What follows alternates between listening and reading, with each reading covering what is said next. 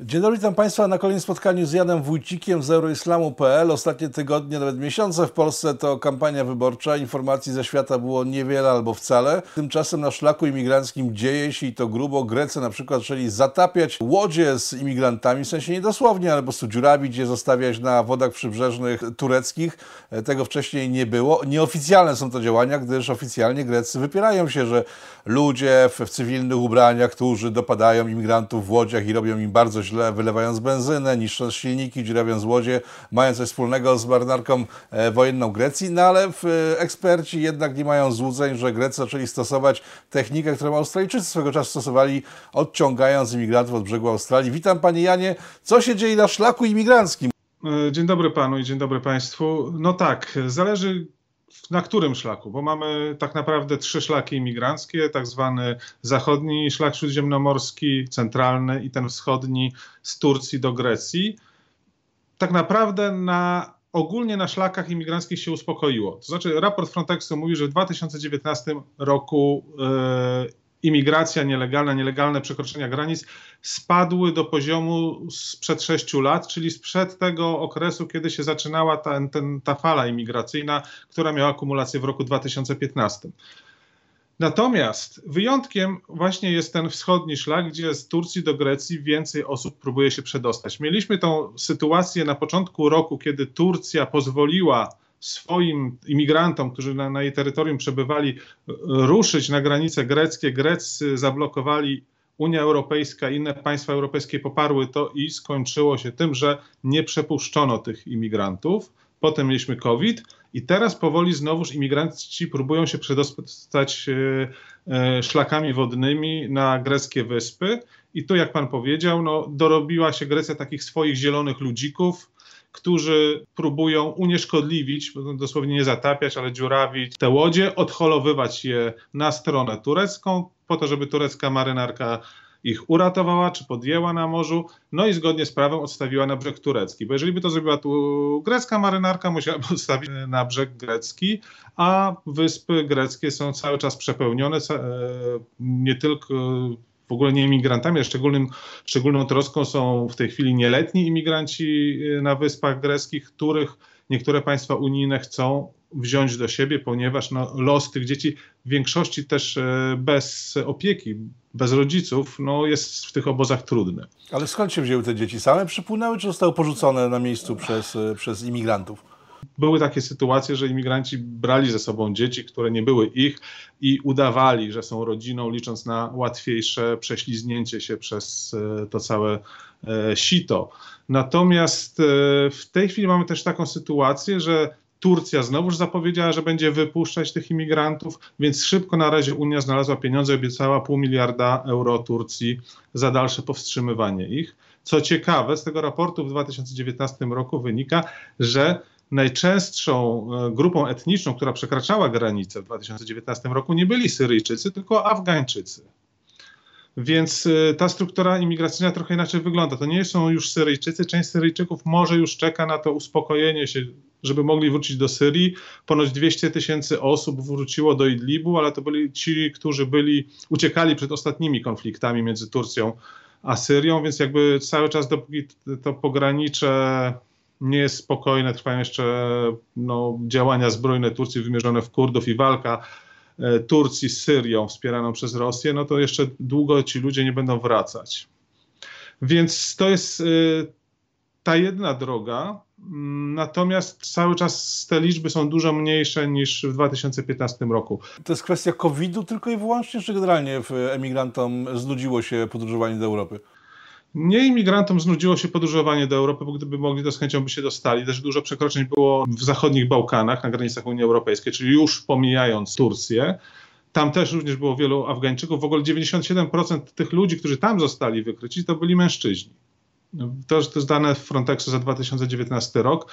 Natomiast Europa inaczej też do tego podchodzi. Europa pokazuje, że nie wpuścimy wszystkich tak jak zrobiła to Merkel w 2015 roku, tylko właśnie tworzymy bariery, próbujemy to ograniczać. Staramy się zwiększać nie, zawracanie imigrantów, którzy nie kwalifikują się do azylu. Wspieramy również te wszystkie państwa wokół finansowo i ćwiczeniami, żeby powstrzymywali tą imigrację. No i zmieniła się chyba retoryka, bo jeszcze parę miesięcy temu w, była próba powrotu do relokacji imigrantów po całej Unii, a w tej chwili Komisja Europejska uznała, że to nie jest najlepszy pomysł, w związku z tym będzie bardziej wspierać kraje, z których pochodzą imigranci i nie będzie jednak ich wpuszczać do, e, do Europy. Mało tego, rozpoczęły się chyba, w, rozpoczęło się odsyłanie tych imigrantów, a czy dlatego połowa z tych, którzy zostali uznani za e, nielegalnych, udało się ich wytransportować z powrotem, ale jednak e, coś się zmieniło w polityce europejskiej. To znaczy tak, zmieniło się w polityce europejskiej to, że zobaczono, że no nie da się tego forsować, e, tej relokacji na siłę, więc zostają przy relokacji dobrowolnej. To znaczy to jest propozycja Komisji Europejskiej, państwa Grupy Wyszehradzkiej, państwa do tego Słowenia, Łotwa i Austria i Dania są za dobrowolnym rozdzielaniem. Natomiast cały czas ta sprawa nie jest zakończona, ponieważ Hiszpania i Włochy są za wprowadzeniem tego obowiązkowego rozdzielnika, bo to najbardziej ich dotyka. I to nawet w 2018 roku, jak byłem na konferencjach dotyczących imigracji i były dyskusje z ekspertami z tamtych krajów, to oni y, jakby cały czas myśleli o tym Mm, przymusowym rozdziale imigrantów, ponieważ zdają sobie sprawę, o tym mam nadzieję powiem jeszcze w dalszej części, że problem imigracji to nie jest problem 2015 roku. Więc chcą prawdopodobnie rozwiązań, które przygotują ich na, lasa, na lata późniejsze. No to jest swoista bezczelność, tak, bo kraje, które nie potrafią pilnować swoich granic, e, wpuszczają do siebie nielegalnych imigrantów, e, chcą, żeby inne państwa ponosiły koszty ich no, niefrasobliwości. Grecy jakoś nie potrafią radzić z tematem i jak słyszymy, emigracja u nich, no, no powiem tak, każdy z tych krajów jednocześnie pracuje z imigracją i to jest trudne. To znaczy Włochy y, współpracują z Libią i Tunezją, wspierając je finansowo i wspierając w ćwiczeniach armię i Straż Przybrzeżną tych krajów y, w wyłapywaniu tych nielegalnych imigrantów. Hiszpania ma bardzo dobrą współpracę z Maroko. Kiedyś przez, udało im się zatrzymać też taki dość mocny szlak imigracyjny z zachodniej Afryki na Wyspy Kanaryjskie. Grecja działa jak działa. W tej chwili z Turcją nie może współpracować, bo jest w konflikcie jeszcze o wiele innych spraw, natomiast próbuje się jakoś zabezpieczać. Są to rzeczy trudne. To, co robią kraje wyszehradzkie plus e, Austria i Dania, to chcą zaoferować pomoc w powstrzymywaniu imigracji. I to jest taka pomoc, no, którą na każdy przystanie. Tak? Jeżeli jesteśmy we, na wspólnym kontynencie i mamy wspólne granice tak naprawdę, bo wewnętrzne granice są przejezdne, no to powinniśmy razem wspólnie ponosić koszty mm, ochrony, bo nie wiadomo, czy Polska też kiedyś nie, stanie, nie znajdzie się w tej sytuacji, bo tak naprawdę najwięcej prób nielegalnego przekroczenia granicy jest po stronie polskiej na Białorusi i Ukrainie. Natomiast y, no to są zwykle wykrycia na tych nie, nie, nie, nielegalne przekroczenia granicy, tylko to są wykrycia na tych punktach granicznych i odprawienie imigranta stamtąd, więc to jest na razie jeszcze łatwe, ale to nie jest taka masowa imigracja, jak tamte kraje doświadczają. Ale kto, kto przez tą polską granicę chce się przedostać? To są ludzie z, z, z Afryki, z, nie, nie, nie, z wschodu? Nie. Czy... Głównie Rosja, Wietnam, e, tamte kraje, Turcja trochę też.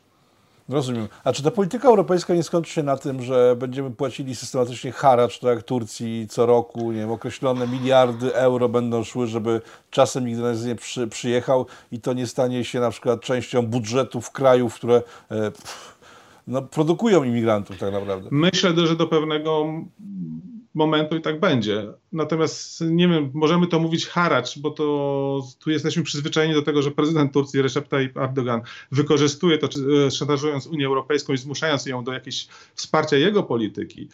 E, natomiast możemy sobie zrobić rachunek kosztów, tak? Czy lepiej jest powstrzymywać i wspierać te kraje w dostawaniu się, czy e, bawić się w całą procedurę deportacji, rozpoznawania legalności i tak dalej, bo trwa to wiele lat, tym ludziom w Unii zapewniamy bardzo dobrą opiekę.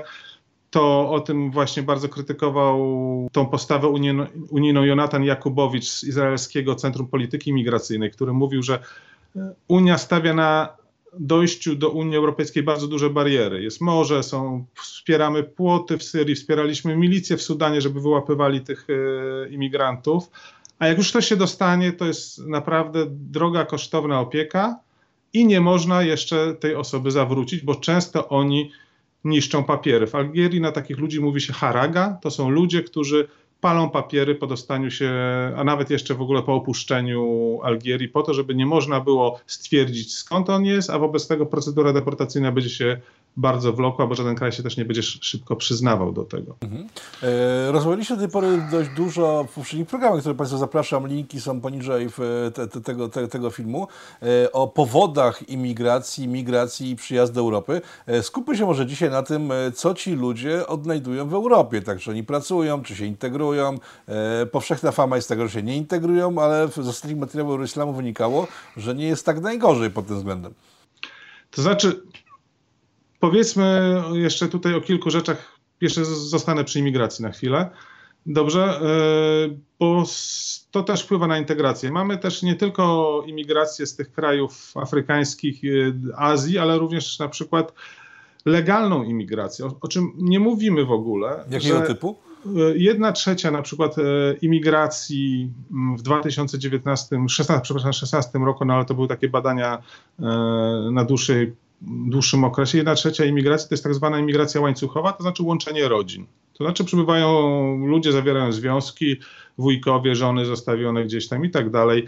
E, to jedna trzecia imigracji do Unii Europejskiej to jest imigracja tego typu.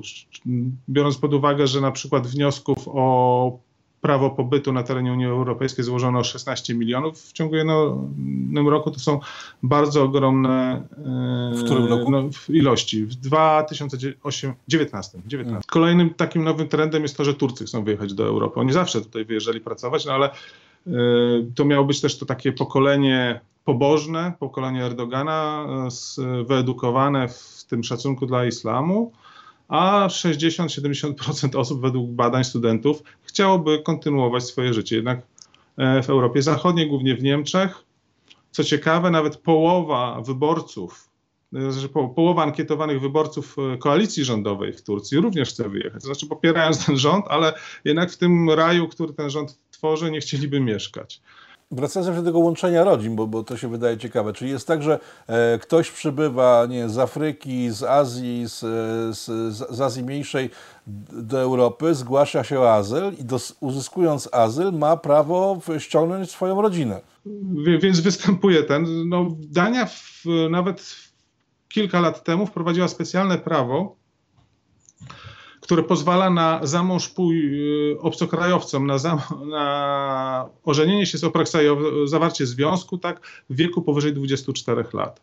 Ponieważ y, w odległych krajach y, ten wiek jest już postrzegany jako staropanieństwo albo no, no bycie starym kawalerem, wie, więc to hamuje w pewien sposób właśnie taką imigrację łańcuchową, na znaczy, że ktoś tam żeni się i ściąga kolejną, kolejną rodzinę. Więc to jest jeden też z elementów, który powinien być elementem polityki imigracyjnej Europy, czyli jakieś ograniczanie takiego procederu. Duńczycy sobie radzą jak, jak najlepiej, jeśli chodzi o imigrantów. To jest kraj, który według statystyk wynika, że radzą sobie świetnie z, z imigracją. E, na czym polega przepis duński w takim razie, że nie ma tam takiego problemu jak w pozostałych krajach Unii? Czy świetnie? Lepiej. Lepiej niż inne kraje europejskie na pewno. To Grzegorz Lindenberg ostatnio analizował sytuację na podstawie raportów e, dla Europejskiej Partii Ludowej dotyczących bezrobocia i okazało się, że Dania e, jako jeden z, e, jedyny kraj unijny z tych krajów badanych zmniejszyła dysproporcje pomiędzy zatrudnieniem w ciągu kilku lat pomiędzy zatrudnieniem osób miejscowych, a zatrudnieniem osób pochodzenia imigranckiego.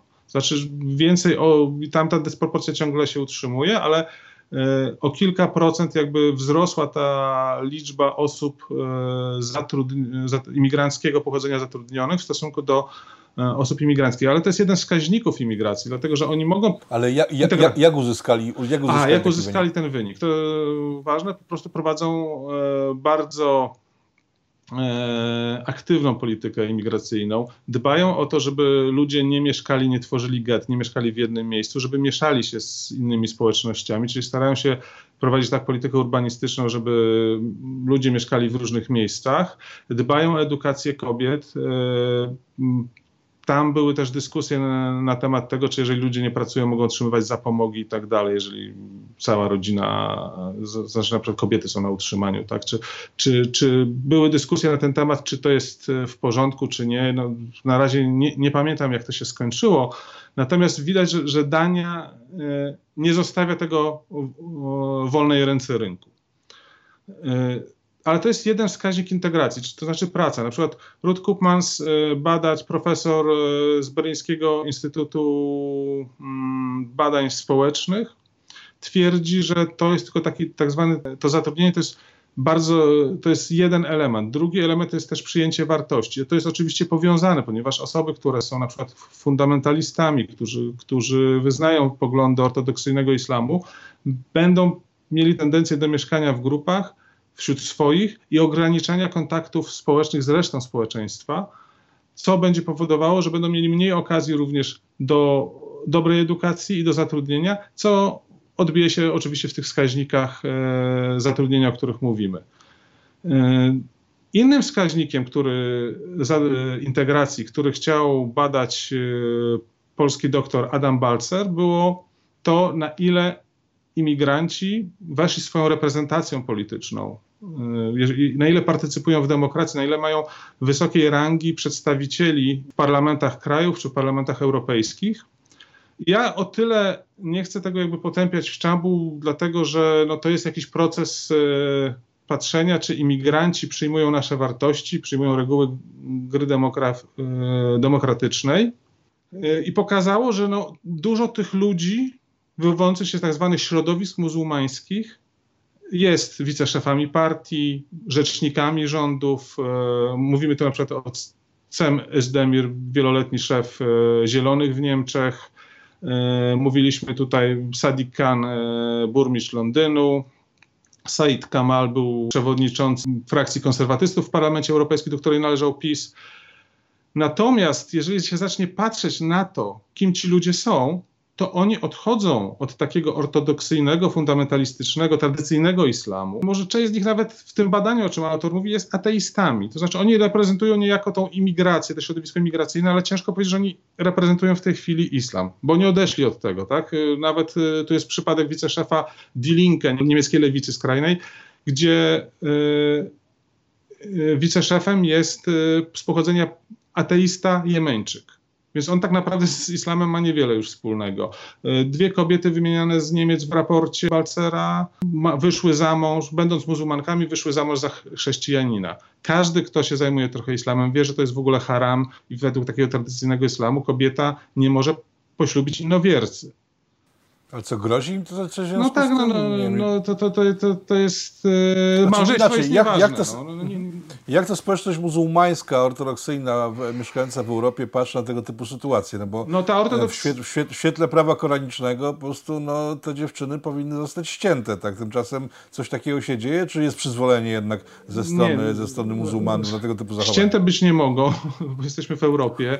E, natomiast... Nie, takie rzeczy widzieliśmy na ulicach w ostatnich okay, latach. tak, no, mówimy o, o jakichś zamachach, groźbach, tak. Natomiast e, jeśli mówimy o tych ortodoksyjnych muzułmanach, no to oni odrzucają to. No, no, twierdzą, że one nie, nie są e, reprezentantkami. Niektóre są, niektórzy z tych polityków wymienianych w raporcie są oskarżani o bycie wujem Tomem Zachodu, czyli, czyli takie no, rasistowskie oskarżenie o to, że no, mm, zdradza swoją społeczność i tutaj współpracuje dla białych, e, pracuje dla białych panów, tak? I to jest e, no, dość, no, z punktu widzenia ich może to, to jest taka ocena, bo odeszli od tej, tak, tak, takiego rdzenia tej wiary, no ale jest to bardzo niesprawiedliwe wobec, wobec tych osób, które czasami też bronią tych społeczności muzułmańskich przed islamofobią, przed jakimiś atakami rasistowskimi, e, aczkolwiek same nie reprezentują tak bardzo tej kultury, no bo, bo co można mówić o na przykład Saidzie Javidzie, który, ministrze spraw wewnętrznych Wielkiej Brytanii, który pozuje do zdjęć z piwem i mówi, że właściwie on jest tak kulturowo, nominalnie muzułmaninem. No. Jak się integrują w te, te społeczności? Bo rozumiem, że im bogaciej, tym łatwiej się zintegrować, zapomnieć o tym, co się zostawiło w Afryce czy, czy w Azji mniejszej. E, ale jeżeli chodzi o procenty, są jakieś wyliczenia, jak to wygląda? Czy ci ludzie się integrują? Bo z systemem socjalnym, jak rozumiem, świetnie się integrują imigranci, potrafią go świetnie wykorzystywać, ale jak wygląda integracja, o której tak dużo mówiła pani Merkel i Niemcy przez ostatnie lata? Także ci ludzie przyjadą i po jakimś czasie zostaną zwykłymi Europejczykami. Jak to wygląda w rzeczywistości? Część wspomnianych tych ludzi, jak e, mówiliśmy o tych politykach, tak, rzeczywiście zostaje, tak, ale to jest wysoka półka. Niektórzy też prowadzą normalne życie, takie, gdzie byśmy ich nie odróżniali od Europejczyków. Z drugiej strony, mm, według na przykład badań wspomnianego przeze mnie profesora Jota Koopmansa, e, około 45% e, osób badanych w Niderlandach, w Niemczech i zdaje się we Francji E, wyznaje poglądy fundamentalistycznego islamu. To znaczy, on zadał im trzy pytania: e, czy jest tylko jedna prawdziwa interpretacja religii, czy Zachód jest wrogiem? Zdaje się, było pytanie jeszcze o apostazję, w tej chwili nie pamiętam. W każdym razie 45% na te wszystkie pytania odpowiedziało, że tak. Mieliśmy też badanie Instytutu Montesquieu'a we Francji, przeprowadzone przez takiego liberalnego muzułmanina, e, które wykazało, że we Francji około 30% chciałoby szariatu, takiego respektowania prawa szariatu teraz już 20 dodatkowych procent, może później, może w pewnych e, elementach, 50% jakoś nie przywiązuje do tego wagi. Więc tutaj też mamy ten taki ale podział. ale jednak 50% y, albo oczekuje, albo żąda. Tak, albo w, części, no bo dla nich to na przykład chodzenie w huś, huście do szkoły, a pamiętajmy, że Francja bardzo kładzie ten nacisk na, na świeckość, dla nich to też jest ten element, który by chcieli. No ale kwestia też pewno muzułmańskich rozwodów i innych, i żywności halal, tutaj pewnych miękkich e, takich elementów szariatu, też dla tej części z tych 50% jest istotne. No tak, ale informacje z ostatnich dni, które do, dotarły, dotarły do Polski, to na przykład wspólnoty muzułmańskie, które wprost mówią, że nie życzą sobie w swoich dzielnicach e, policji francuskiej, bo u nich e, obowiązuje prawo szariatu. Chyba coś się dzieje grubszego. Wcześniej nie było takich oficjalnych e, stwierdzeń. Ale to też nie były też umówmy się, to nie są e, stwierdzenia całej wspólnoty, to jakieś grupy, które powołują się, że reprezentują wspólnotę, więc e, nie możemy mówić, że, że cała wspólnota wypowiedziała w tej chwili lojalność we Francji. Natomiast we Francji to jest też ostatnie badanie, trochę nowość, bo Francja nie badała mm, pod kątem etnicznym i rasowym swojej struktury populacji od długiego czasu. Właśnie wypuszczono raport przez organizację związaną z rządem France Strategy, który pokazuje, jak bardzo zmieniła się struktura populacji w tych dzielnicach. To znaczy, dzieci z tłem imigranckim, powiedzmy w roku 68 w Paryżu, było we, średnio we wszystkich dzielnicach około kilku procent, a w tej chwili dzisiaj 30%, a w niektórych średnio 30% we wszystkich, takich średnia Paryża, ale w niektórych dzielnicach nawet do 80%. Tak samo jest w wielu innych francuskich miastach. W tym raporcie była jeszcze informacja, że w, w ciągu ostatnich 40 lat e, ilość e, ludzi e, z, z, obcych kultur, w sensie z Afryki i z Azji, z Azji Mniejszej, skoczyła do 30% z 7%. Tak, tak, tak. To, o tym mówimy, o, tych, o tym zagęszczeniu w miastach, ale w dodatku jest też wysoki wskaźnik kon koncentracji. To o czym wszyscy wiedzieli. To znaczy, wiele osób jednego, jednej grupy etnicznej czy jednego mm, imigranckiego tła mieszka w jednych dzielnicach, a Francuzi mieszkają w innych dzielnicach. Czy to są dzielnice biedy, czy, czy, to, czy nie, nie, ma takiego skoku jak w RPA na przykład, że e, obok siebie są slumsy, w których po prostu ludzie e, żyją no, w dość podłych warunkach, a obok z kolei bogate dzielnice. Jak to we Francji wygląda? Czy, czy e, mieszkanie w getcie muzułmańskim na terenie Paryża oznacza życie w totalnej biedzie, czy to jednak nie jest do końca e, jednoznaczne? To nie są slumsy, ale są to dzielnice dużo biedniejsze, dzielnice o o mniejszej obecności państwa prawa, e, przedstawicieli państwa prawa, e, dzielnice, gdzie wiele osób jest bez, bezrobotnych, gdzie wiele osób też często może nie znać języka francuskiego. Więc to są dzielnice biedoty, ale biedoty w takim europejskim pojęciu. Mhm. Co Francja robi? Bo Duńczycy, jak pan sam powiedział, starają się dość rozsądnie prowadzić politykę migracyjną, rozdzielają e, imigrantów w dziel po dzielnicach, w których jest ich, jest ich mało. E, Francja już skumulowała wszystkich w, mi, w mini gettach, to są dość duże getty, są duże, duże, duże dzielnice e, miast, miast francuskich. Czy Francuzi zamierzają coś z tym zrobić, czy będą czekali na wybuch? Na razie nie wiadomo. Na razie Francuzi dyskutują dużo na temat politycznego islamu i wydalania radykalnych szejków, powstrzymania e, finansowania z, e, tego radykalnego islamu z zagranicy, czyli niedopuszczenia pieniędzy z Arabii Saudyjskiej, Kataru, Turcji, Kuwejtu. Natomiast y, polityki jakiejś urbanistycznej, takiej szeroko zakrojonej jeszcze w tej chwili nie sły, y, nic o tym nie słychać. Macron był w tych różnych dzielnicach w Saint-Denis i on jasno mówił, że on chce tutaj zwiększenia obecności policji, zwiększenia różnych inicjatyw, które spowodują, że ta dzielnica będzie lepszym miejscem do mieszkania. Natomiast y, trochę. Jak go przyjęto? Trochę, to nie była e, to nie było wydarzenie dla wszystkich, tak? On spotkał się tam z prasą, z w towarzystwie tych merów. Natomiast e, no, nie wiem, czy to w przypadku Macrona i wielu poprzednich prezydentów Francji nie są to tylko deklaracje, bo o tej rozwiązaniu problemu radykalnego islamu we Francji słyszymy już od e, momentu rządów Sarkozy'ego.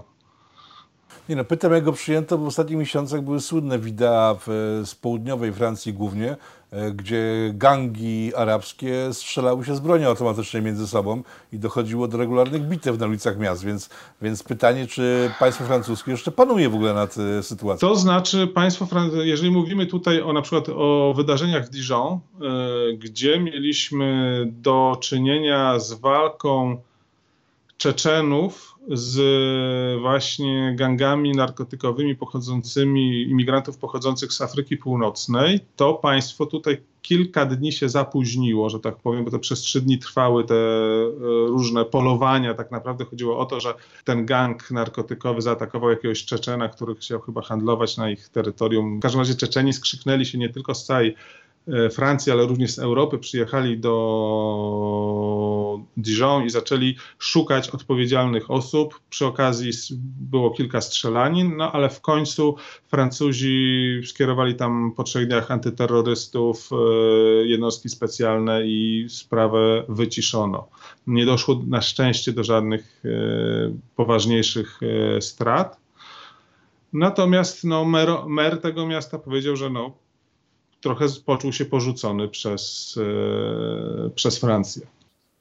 Ale ta sytuacja pokazuje coś, o czym, o czym od, od kilku lat e, mówię w swoich programach, że e, ta społeczność jest świetnie uzbrojona i w chwili, kiedy przyjdzie czas na przykład, w którym ktoś krzyknie Allah Akbar, jedziemy, jedziemy z Francuzami, e, to Francuzi nie opanują kilku różnych miast, w których rozpocznie się na przykład rebelia islamska. Tak, to widać, że tam tej broni jest dużo nielegalnej w użyciu i to jest pytanie o, o tą przyszłość, którą nie tylko, wie pan, stawiają sobie ludzie, powiedzmy, tak zwanej prawicy, tak? Pan jest lewicowym publicystą, to pan może, ale, ale byłem też e, na kiedyś trzy lata temu na konferencji, gdzie był przedstawiciel Europejskiego, Europejskiej Rady Stosunków Zagranicznych, który powiedział, że jego zmartwieniem nie jest terroryzm we Francji, tylko właśnie wojny dzielnic. Czyli takie mini, nie chciał nazwać tego wojną domową, ale takie mini lokalne konflikty cywilne, do których może dojść. I my na, tak naprawdę, biorąc, jak patrzymy się na to, co się we Francji dzieje, to my do końca nie będziemy wiedzieli, czy to jest kwestia porachunków gangów, czy to mamy do czynienia z radykalnym islamem, a może to w, w ogóle kwestie społeczne i lewica skrajna tutaj wybuchła, tak? Będziemy mieli po prostu do czynienia z pewnym miksem. Fra Francja, rozumiem, e, jest e, no, zagrożona, e, można powiedzieć tak kolokwialnie, ale jak to wygląda w Niemczech? Niemcy... Dania radzi sobie, Francuzi słabo, Niemcy? Niemcy z, tą, z tym zatrudnieniem imigrantów sobie na razie nie, nie radzą, to znaczy coraz większy jest ten, to znaczy, utrzymuje się, przepraszam, ten sam, ta sama różnica między oso osobami miejscowymi zatrudnionymi, osobami pochodzenia imigranckiego, które są zatrudnione w kwestii zatrudnienia, natomiast mają kilka innych problemów. Tak? Mają problemy gangów, klanów arabskich, takie znane gangi jak gang Remo z Libanu, i ganki pochodzące z, daje się jeszcze z Syrii, kontrolują tam rynki narkotyków, ale również rynki nieruchomości. Są przymusowe, do, zmuszają niekiedy Niemców do sprzedaży nieruchomości po to, żeby prać pieniądze z narkotyków. Część z tych pieniędzy też idzie na wspieranie Hezbollahu. E, ostatnio mieliśmy do, do, czynienia z taką nawet demonstracją siły tego gangu i demonstracją siły państwa niemieckiego, to znaczy był pogrzeb matki szefa gangu, który został obstawiony wozami pancernymi, yy, ogromnymi siłami policji, nawet chyba helikopter albo dwa helikoptery były zaangażowane w to, żeby e, gang ucz, uczcił pamięć matki szefa. To była demonstracja sił po dwóch stronach. E, drugi problem w Niemczech to są salafici, którzy są coraz bardziej popularniejsi, są atrakcyjniejsi od tych e, kaznodziejów e, z meczetów tureckich, ponieważ ci kaznodzieje z meczetów tureckich zwykle są przysyłani z Turcji, mają mały kontakt z rzeczywistością niemiecką, mają mały kontakt z młodzieżą i tu wygrywają ci e, reprezentanci tego fundamentalistycznego islamu salafizmu. Skąd są i skąd się biorą i To są i konwertyci, i ludzie, którzy imigrowali. To, to jest cały miks. Na przykład tacy zna, znani salafici jak Pierre Vogel, to jest Niemiec. Y, oni potrafią sprzedać ten skrajny islam młodym ludziom i no ich y, liczba jakby rozrasta się w tej chwili, jeżeli Urząd y, Ochrony Konstytucji niemiecki publikuje dane na temat grup skrajnych, radykalnych, no to jedną trzecią ze 100 tysięcy radykałów według ich oszacowań, jedną trzecią stanowi skrajna lewica, jedną trzecią skrajna prawica, jedną trzecią islamizm. Plus tam jest jeszcze trochę radykalizmu związanego z różnymi ugrupowaniami zagranicznymi, czy, typu szare wilki tureckie, czy też się zalicza tam ugrupowania kurdyjskie. Więc Niemcy mają cały czas jakby na swoich ulicach do czynienia z pewnym też konfliktem pomiędzy różnymi grupami, które przyjechały stamtąd i przenoszą swoje konflikty czy będziemy mieli demonstracje irańskie, które ostatnio zostały zakazane, poparcie dla Hezbollahu, czy będziemy mieli konflikty między Kurdami, Kurdami i Turkami. Więc i one są chyba najostrzejsze z tego, z tego, z tego co tak, pamiętam, między właśnie kurda, Turka, kurdyjsko-tureckie. Tak, kurdyjsko-tureckie są najostrzejsze, jeżeli widzimy to, to, co się dzieje na ulicy. oprócz tego idzie to tak zwana salafityzacja islamu i, i, i ten, te, te ugrupowania się też rozwijają. Tu jeszcze anegdotycznie mogę powiedzieć, jak się Szwecja, jak sobie Szwecja radzi. Szwecja ostatnio osiągnęła rekordy w testach PISA, czyli tych testach zdawanych przez 15-latków dotyczących zdolności czytania ze zrozumieniem, matematyki i tak dalej. No i zaczęła się krytyka. Dzienniki wyciągnęły, że duża część. Jaki, jaki wynik był tych testów? Ja nie pamiętam, ale to był jeden z lepszych. Zwykle y, Szwecja dołowała w tych, ostatnio w tych testach. Nagle był sukces gazety zaczęły sprawdzać, co się stało. Okazało się, że po prostu część imigrantów nie przystąpiła, dzieci pochodzenia imigrandzkiego nie przystąpiła do tych testów.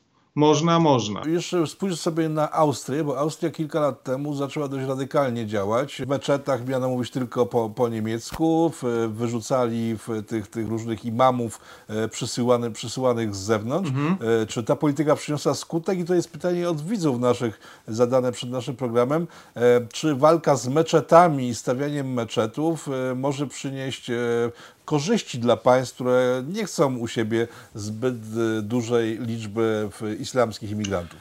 To znaczy tak, mm, walka z meczetami, pytanie z jakimi? Jeżeli zaczniemy walczyć z wszystkimi meczetami, no to sobie zradykalizujemy całą społeczność.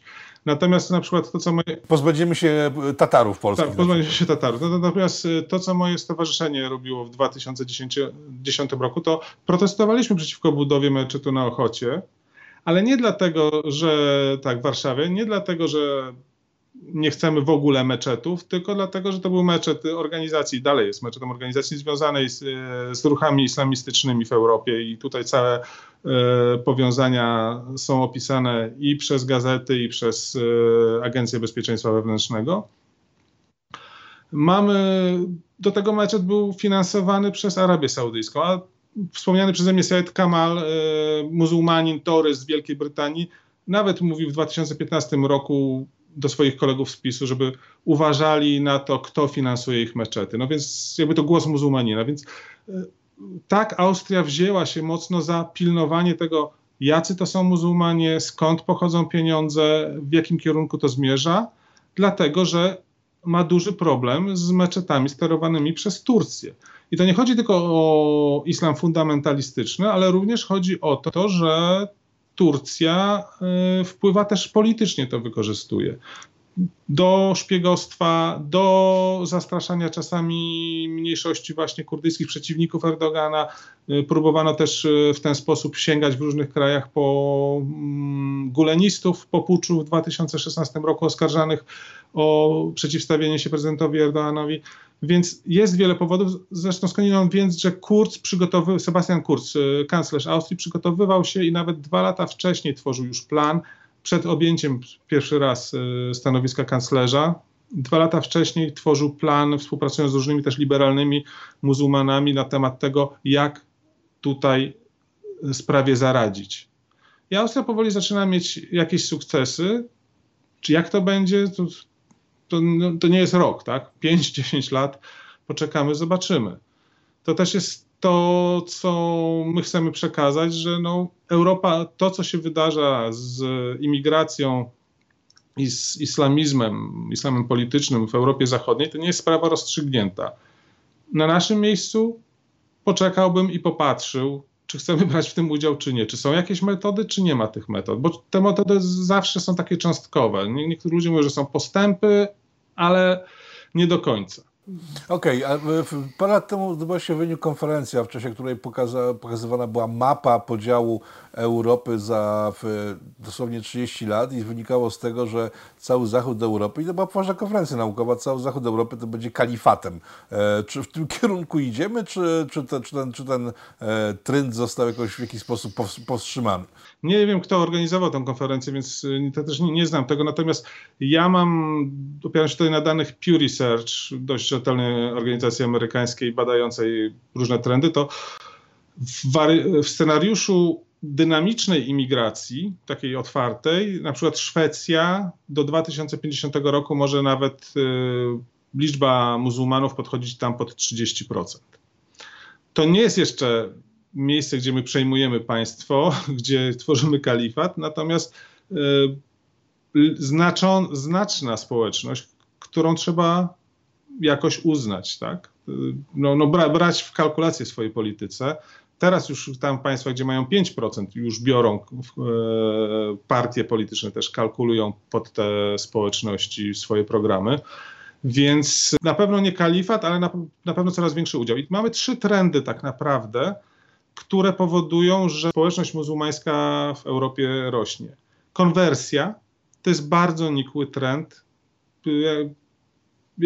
Te, to tempo konwertowania ludzi na islam to nie jest jednak dla, dla Europejczyków atrakcyjna opcja. Większość Europejczyków po prostu odchodzi od religii na przykład chrześcijańskiej, zostaje ateistami lub, lub ludźmi, którzy raczej zajmują się konsumpcją, no bo, bo nie, niekoniecznie ktoś, kto nie wierzy w Boga, zaraz ma jakieś ideały ateistyczne i humanistyczne związane z. Druga możliwość rozwoju islamu to jest demografia, ale znowuż badania pokazują, że jak już y, społeczności te imigranckie są w Europie, to ten wskaźnik dzietności w następnych pokoleniach spada i zaczyna być trochę większy od europejskiego 2,5 do 3. To nie jest to mityczne 5-8 dzieci. To, to to w Nigrze mamy, nie? ale nie w Europie.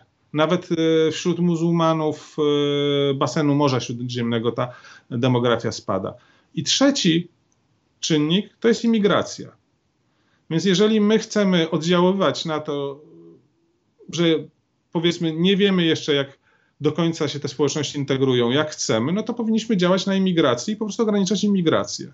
I miejmy nadzieję, że to Unia robi, no bo wspiera te wszystkie państwa wokół, Maroko, Tunezję, Libię, Turcję, Egipt, żeby tą imigrację ograniczyć do nas. Ale z drugiej strony też mówimy o legalnej imigracji, która cały czas przybywa. No to mamy to samo zjawisko w Polsce. Tak? W Polsce rząd yy, PiS powiedział, że on nie przyjmie żadnych uchodźców, nie weźmie udziału w relokacyjnym programie. Swoją drogą dobrze, że to zablokował, ale z drugiej strony yy, po prostu z powodu rozwoju gospodarki ta imigracja do Polski przyjeżdża. Nie są to takie liczby, jak czasami ludzie podają, ponieważ kierują się danymi na przykład z Urzędu Pracy o, o wnioski pracodawców o sprowadzenie osoby z zagranicy, bo to nie znaczy, że ta osoba z zagranicy dostanie wizę i przyjedzie. To są kilkukrotnie zawyżone nawet liczby. Mówimy o Ukraińcach głównie w naszym przypadku, poza tym, czyli nasza strefa kulturowa, jakby nie patrzeć. Oprócz tego przybywają do nas ludzie z Bangladeszu, Pakistanu, Indii. Polska dla nich jest atrakcyjna, czy raczej jest e, przystankiem? Polska jest już atrakcyjna. Polska jest już po prostu atrakcyjna. No, no, nasza gospodarka jest o wiele bardziej stabilna, mamy rynek pracy. Nawet w porównaniu do takich Włoch, nielegalny imigrant, który przyjeżdża do Włoch, może wpaść w ręce mafii, skończyć w niewolniczych ośrodkach e, pracy. Nigeryjki są kuszone do, jako pomoce domowe, a lądują E, jako no, niewolnice seksualne. Natomiast w Polsce mogą mieć normalną, legalną pracę. Może nie, to, nie są to te pieniądze, które są, ale je, jest to miejsce bezpieczne, jest to miejsce, gdzie gospodarka się rozwija i w porównaniu z ich krajami jest to o wiele bogatszy kraj. No to teraz może powiedzmy sobie, jeszcze przez ostatnie 15 minut, jeżeli możemy, e, że skoro ci ludzie przyjeżdżają do Polski i do Europy, to dlaczego? I tutaj chciałbym się podeprzeć książką Wzbierająca fala Europa wobec eksplozji demograficznej w Afryce. To jest książka, raport wydany przez naszą Fundację Instytut Spraw Europejskich, napisany przez doktora Grzegorza Lindenberga. Gdzie można zapoznać się z tą książką? Empik albo strona wzbierająca fala.pl. Grzegorz analizuje przede wszystkim demografię Afryki, która do 2050 roku, to nie jest już wiele czasu, to nie są jakieś y, nieznane y, terminy odległe, urośnie o miliard, y, głównie w Afryce subsaharyjskiej. Tam jest taka ciekawo, ciekawostka, na przykład my tego sobie tak nie, uświadomia, nie uświadamiamy, ale w Egipcie co pół roku przybywa milion osób. Co pół roku. O Afryce subsaharyjskiej rozmawialiśmy w zeszłym tygodniu. Link do tego programu poniżej tego materiału. Zapraszam serdecznie. Y, badając, y, opierając się na różnych badaniach organizacji, które patrzą na to, czy mieszkańcy Afryki chcą wyjechać, y, stawiając różne pytania o chęć wyjazdu, gotowość do wyjazdu, bo to dwa różne wskaźniki są, do 2030 roku możemy mieć z Afryki od 9 do 30 milionów osób które, chciał, które są gotowe wyjechać do nas. To znaczy podejmują jakieś plany, żeby w ciągu pięciu lat spróbować się tu dostać. Nie wiadomo, czym się uda. E, jeżeli doliczymy do tego Azję, to nawet może być do 43 milionów. Więc to są bardzo duże liczby i Unia Europejska musi coś z tym zrobić. My natomiast wierzymy w pewne trzy mity. Znaczy, jeden mit, że 2015 był, koniec, fajnie, yy, najniższa imigracja od 6 lat, ale biorąc pod uwagę tą demografię, to presja imigracyjna będzie większa. I my tu mówimy nie, nie o presji imigracyjnej związanej z konfliktami, z, z suszą. My mówimy o presji imigracyjnej związanej po prostu z normalnym imigracją zarobkową. Drugim mitem jest to, że jeżeli my poprawimy im życie tam, czyli damy tam pieniądze, to tych ludzi wyjedzie mniej. Otu, otóż nie badacz demografii pan Clemens mówi, że jest coś takiego jak odwrócona krzywa U imigracji w zależności od PKB. To znaczy, jeżeli rośnie PKB. Ludzi na stać głowę, na wyjazd z kraju. Ludzi stać na wyjazd z kraju. Przykład do pewnego Polski momentu. Przed 2015 rokiem. Dokładnie o tym też jest w książce, właśnie, że do pewnego momentu w tej chwili się to szacuje na 13 tysięcy dolarów na głowę, a państwa mają 3, ludzie mają 3 tysiące dolarów na głowę. E, to są kraje, które mają 3 tysiące dolarów na głowę e, PKB będzie tendencja do zwiększania osób żyjących na imigracji, dlatego że mogą, w kraju wcale się nie poprawiło, mamy gorszą edukację, gorszą służbę zdrowotną, gorsze perspektywy. Więc chce wyjechać. No, ostatnio czytałem taki raport Reutersa, który rozmawiał z imigrantami. Był między innymi Algierczyk, który jest inżynierem, rzeczywistym inżynierem, tak? E, który chce wyjechać z Algierii do Europy, próbuje się do, dostać tymi łódkami, ponieważ on nie ma perspektyw w kraju, żeby nie mieszkać z rodzicami. Nie może zarobić sobie na dom, założyć swojej rodziny, więc chce wyjechać do Europy. Dobrze, ale na początku naszego spotkania mówiliśmy o tym, że pomysłem Unii na załatwienie problemu migracji jest pompowanie pieniędzy do krajów y, będących na granicy migracyjnej, a teraz y, słyszę, że to jest ogromny błąd w świetle y, opracowań naukowych najnowszych rozdzielmy te dwie rzeczy. Pompowanie pieniędzy do nich to są pompowanie pieniędzy na działania ochrony granic. To jest finansowanie tych działań, plus pewna jakaś e, ten, dwa, nadwyżka powiedzmy. Dwa, Europa to nie jest argument za tym, żeby teraz zagłodzić Afrykę. No jak już będą głodni i biedni, to do nas nie przyjadą. To nie jest argument za tym. My oczywiście powinniśmy wspierać i budować, e, rozwijać te, te kraje, natomiast